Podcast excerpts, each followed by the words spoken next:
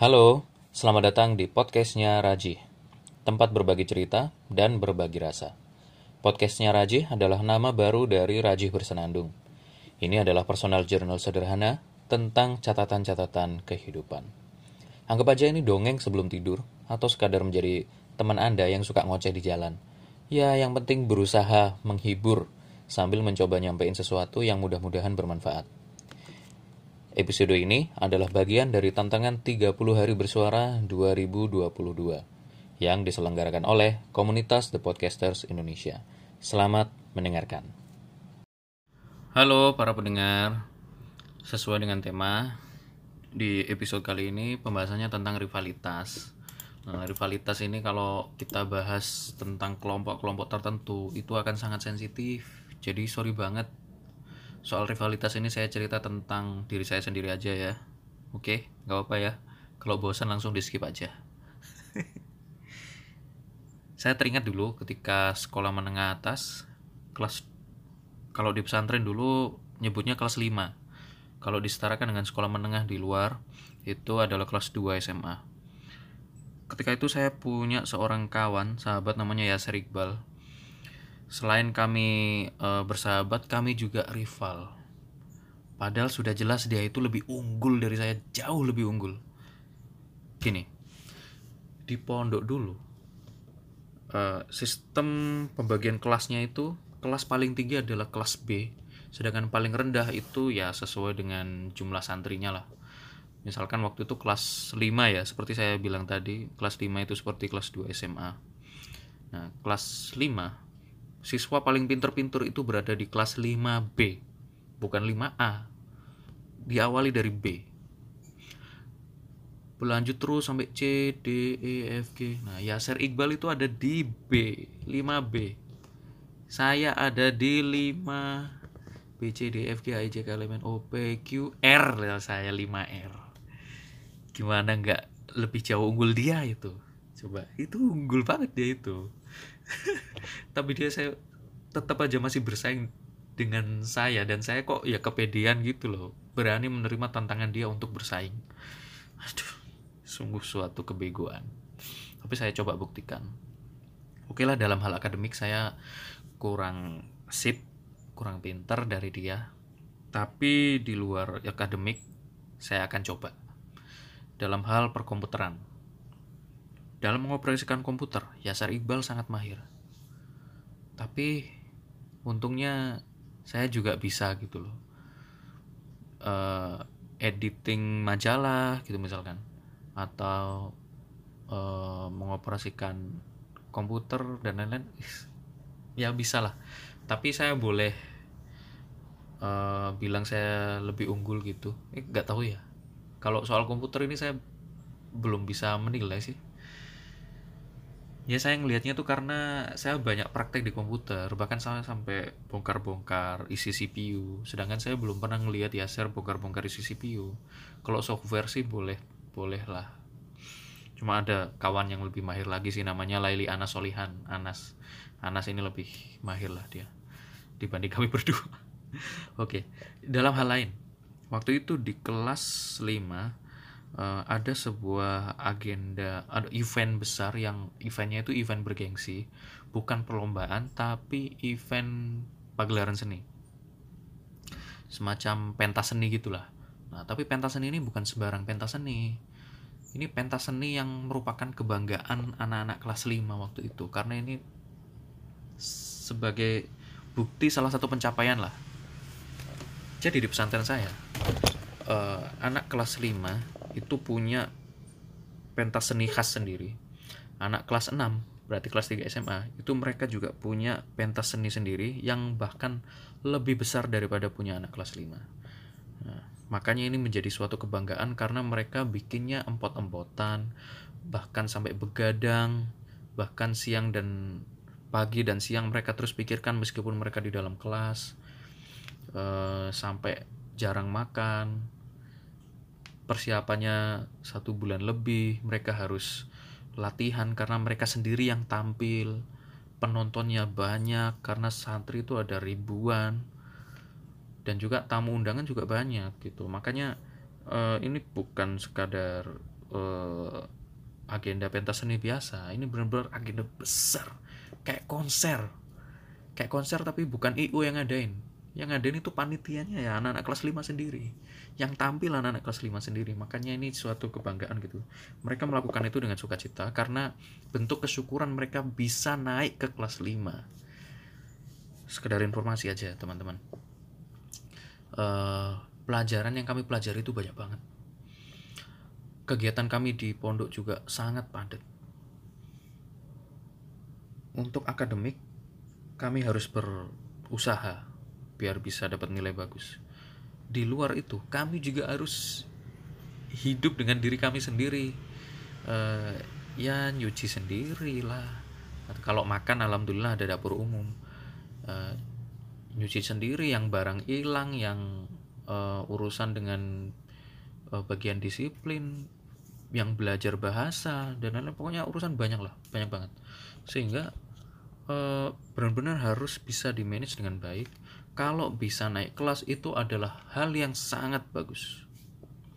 Tapi alhamdulillahnya memang banyak ya akhirnya karena teman-teman termotivasi semuanya jadi ya pada naik kelas. Yang tidak naik kelas ya beberapa saja gitu memang. Yang benar-benar uh, secara akademik dia tidak bisa tertolong begitu loh. Dan kemudian dari kelas 4 berarti satu SMA ya sama kelas 3 intensif kelas 3 intensif itu anak-anak yang uh, masuk pondoknya itu setelah lulus SMP gitu. Uh, kemudian setelah lulus SMP masuk pondok ikut kelas 1 satu kelas 1 dulu tapi pelajarannya itu disingkat disingkat.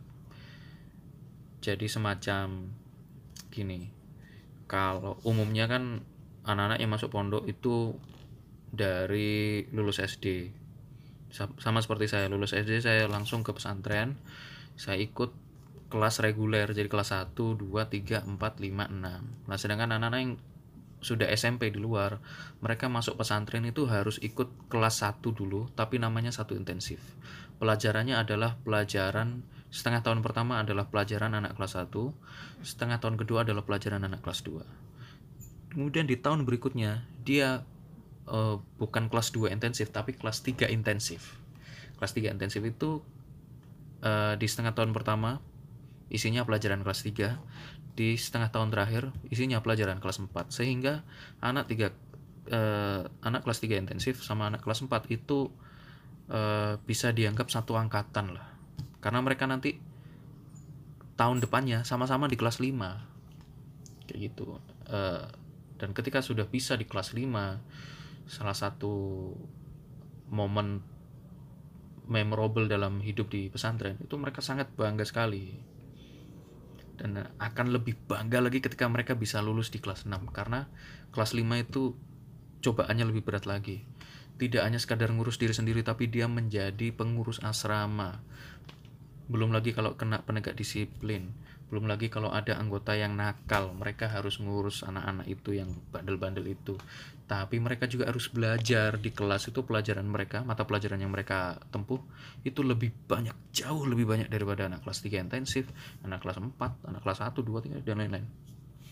Kayak gitu. Makanya cukup berat. Dan banyak yang tinggal kelas ketika masih ya ketika kelulusan kelas 5 banyak yang tinggal kelas karena berat itu tadi. Tapi ya gimana lagi uh, kembali lagi.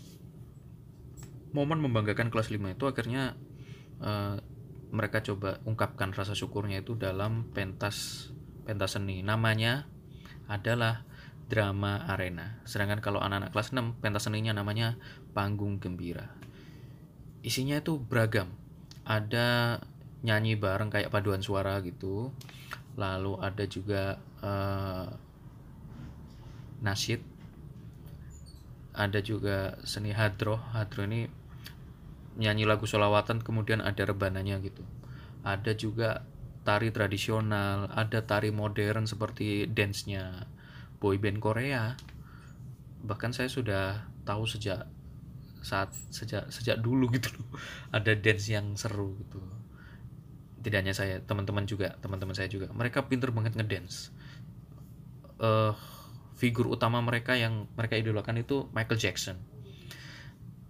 Michael Jackson kan dance-nya bagus kan? Jadi ya mereka meniru Michael Jackson. Mungkin dancer-dancer India sama Chinese mungkin mereka jadikan rujukan juga. Uh, Jecho kalau teman-teman tahu penyanyi dari dia China atau Hong Kong ya? Pokoknya Chinese gitulah. Dia kan lagu-lagunya ada yang dance juga. Itu bisa jadi rujukan juga. Uh, selain itu ada juga penampilan drama musikal. Apalagi ya? Banyak pokoknya. Benar-benar kreatif lah teman-teman itu. Pencak silat. Nah lalu eh, ketika selesai penampilan itu penampilan berlangsung selama 4 jam 4 jam kalau nggak salah ya. 4 jam. Kira-kira. Lupa saya. 4 jam apa 3 jam ya? Lupa deh. Pokoknya lama deh. Karena saking banyak penampilannya. Bahkan sekelas ketua pelaksananya. Ketua pelaksananya itu ada tiga orang. Bukan satu orang tiga orang. Ketua pelaksananya aja memberikan sambutan pakai latihan. Mereka satu pakai bahasa Arab satu pakai bahasa Inggris satu pakai bahasa Indonesia. Itu mereka latihan benar-benar seperti public speaker. Pakai intonasi pakai uh, aturan nafas. Keren pokoknya. Nah terus uh, usai kami tampil selama beberapa jam itu Bapak pimpinan pondok akan memberikan masukan dan penilaian. Penampilan kami seperti apa. Biasanya nilainya itu akan uh, tidak lebih dari bukan tidak tidak kurang dari 8 biasanya 8 ke atas. Itu karena nilai sudah bagus kan. Kalau nilainya 5, 6, 7 itu berarti nggak niat. Tapi kalau nilainya 8, 9 bahkan 10 itu berarti keren super keren banget. Keren banget. Uh, kok jadi cerita drama arena? Nah ini saya perlu menjelaskan karena biar anda paham dulu konteksnya gitu loh. Waktu kelas 5 itu kita balik ke rivalitas saya dengan Yasir ya. Waktu kelas 5 itu ada salah satu bagian persaingan kami yang cukup unik. Uh, karena drama arena itu merupakan acara kebanggaan anak-anak kelas 5 menjadi panitianya itu juga merupakan suatu kebanggaan benar-benar sebuah kebanggaan bahkan jadi sangat berwibawa gitu loh karena punya tugas yang lebih daripada teman-teman yang lain. Menjadi ketua pelaksananya kah atau jadi sekretarisnya jadi bendaharanya jadi humasnya dan lain-lain itu suatu kebanggaan. Kebanggaan banget bener-bener bangga lah kayak kayak pengurus osis gitu loh. Waktu itu kok entah gimana ceritanya saya sama Yaser itu bersaing untuk menjadi sekretaris drama arena sekretaris pelaksana drama arena. Ketua pelaksananya kan ada tiga. Kemudian sekretarisnya itu ada lima orang. Karena ini agenda besar maka yang ngerjain satu orang aja susah. Kita aja ngurusin hidup sendiri susah gitu loh. Makanya orangnya banyak biar bagi tugasnya lebih enak. Ngomong ngomong-ngomong cerita ini saya sudah tulis di blog saya di raji.my.id jadi pada pendengar semuanya kalau pengen baca aja silahkan kunjungi di raji.my.id cari aja tentang uh, rivalitas saya dengan Yasir bahasanya bukan rivalitas tapi ya cari aja keyword Yasir gitu. Uh, lalu um, karena itu sifatnya membanggakan ya kami akhirnya berlomba entah gimana caranya ya. Kalau Yasir sih pasti bisa karena dia sekelas dengan teman-teman yang sudah jadi sekretaris drama arena waktu itu. Jadi ceritanya waktu itu panitia drama arena sudah terbentuk, ketuanya sudah ada, sekretaris sudah ada, bendara dan lain-lain sudah ada semuanya.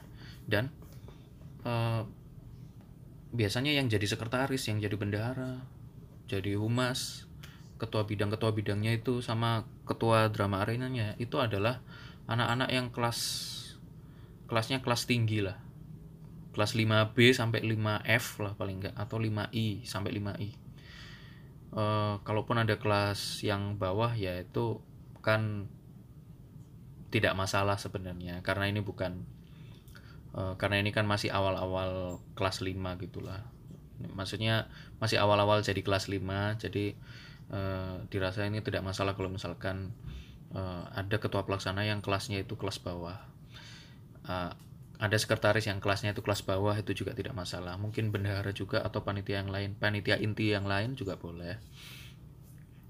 Karena ini masih benar-benar awal-awal periode awal-awal masa-masa menjadi kelas 5 gitu. Masih bisa diatur lah belajarnya gitu kan. Lalu terpilihlah ketua pelaksananya itu kalau nggak salah ada yang kelas P lupa saya. Atau si, si, si. saya lupa ya. Nah pokoknya eh, yang di sekretaris itu adalah kelas B kebanyakan kelas B dan itu satu kelas sama Yaser Yaser punya privilege untuk bisa komunikasi langsung sama mereka kan? Dia bisa langsung ngomong ke eh bro kalau misalkan sekretarisnya kurang jadiin aku sekretaris dong aku bisa kok. Gitu. Dia pengen gitu dan dia bisa melakukan itu. Sedangkan saya tidak bisa. Nggak bisa. Karena saya itu tahu diri. Saya kelas 5R untuk bergaul dengan teman-teman yang kelas atas itu saya juga mikir-mikir. Takut salah ngomong. Saya juga nggak bisa nggak mungkin jadi panitia inti di drama arena karena itu mereka orang-orang elit. Uh, saya cukup jadi orang biasa saja.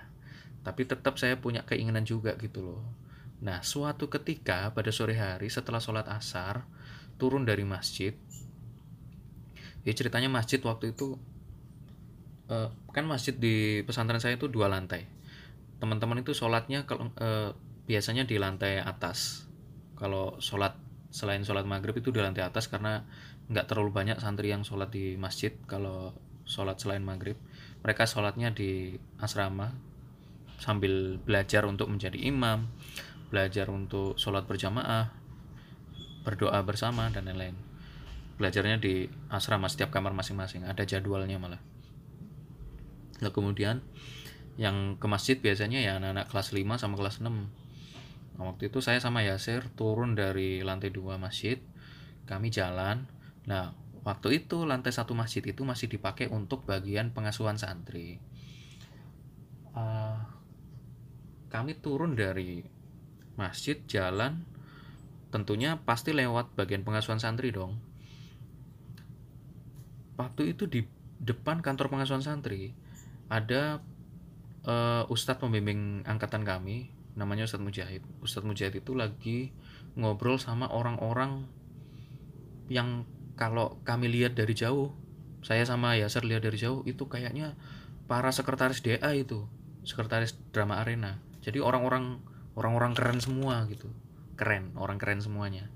Orang yang eh, apa ya orang terpilih lah gitu loh. Saya sama Yasser Ser itu kayaknya sekretaris DA semua deh. Iya sih waduh gimana gokil ya kalau kita bisa ke sana ya. Jadi satu dengan mereka gitu. Iya juga ya.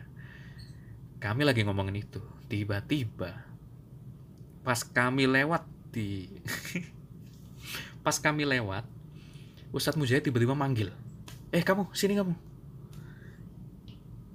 Kami berdua kan nggak ngerti siapa yang dipanggil antara saya sama Yaser yang mana gitu. Kami berdua jujur kaget waktu itu loh kok dipanggil ya? Masa masa kita jadi sekretaris DA nih? Gitu. Nah terus Ustadz Mujahid memperjelas iya kamu Raji Raji kamu sini. Oke saya terima panggilan itu Yaser uh, oh, oke okay lah aku nggak dipanggil. Tapi dia sambil tertunduk lemas gitu kemudian pergi. Saya datang kemudian saat itu juga Ustadz Ustadz Mujahid bilang Raji kamu jadi sekretaris DA waduh. Saya. Kaget banget super kaget. Karena waktu itu entah kenapa gimana ceritanya ikan kami masih saya sama Yasir kan masih uh, sebatas berangan-angan aja gitu kan. Meskipun Yasir itu bisa gitu loh untuk jadi sekretaris dalam arena. Tapi kok kok gue yang dapet gitu loh. Dan itu tiba-tiba banget. Dan teman-teman dan pusat mujahid bilang ini teman-teman merekomendasikan kamu untuk jadi sekretaris DA akhirnya ya sudah sejak saat itu saya jadi sekretaris DA lalu saya balik ke kantor Itkon karena saya sama Yaser sering uh, apa ya semacam uh, standby di sana lah untuk di nggak tahu kalau misalkan ada kegiatan apa kami bisa handle bantu-bantu gitu. Saya balik ke kantor Itcon Yaser dengan sedikit lemas tapi ada bahagianya juga akhirnya dia mengucapkan wah gaya jadi sekretaris DA nih. Iya aku kaget loh tadi ternyata ditunjuk jadi sekretaris DA bro. Kayak gitu ya ini hanya sekadar cerita sederhana. Tapi bagi saya itu kok cukup luar biasa ya. Itu saja perkara rivalitas sekarang. Ya, ya setelah peristiwa DA itu Yasir makin gokil sih. Dia karena anak pinter ya jadi ya kelasnya B terus. Naik kelas 6 6B saya naik kelas 6 6Q bukan cuma naik satu tingkat limanya 5R 6 nya 6Q aduh. Ya itulah kemudian sekarang dia sudah tinggal di luar Jawa lupa di mana. Di Sumatera kalau nggak salah. Itu saja. Terima kasih sudah mendengarkan dari awal sampai akhir. Sampai jumpa di episode berikutnya. Oh iya para pendengar semuanya. Semoga anda merasa terhibur dengan semua episode-episode yang ada di podcast ini. Jika anda ingin memberikan dukungan kepada saya atau istilahnya neraktir ngopi lah gitu ya itu bisa banget melalui karyakarsa.com slash rajih bersenandung atau bisa juga di sociabus.com slash rajiaraki slash tribe. Terima kasih.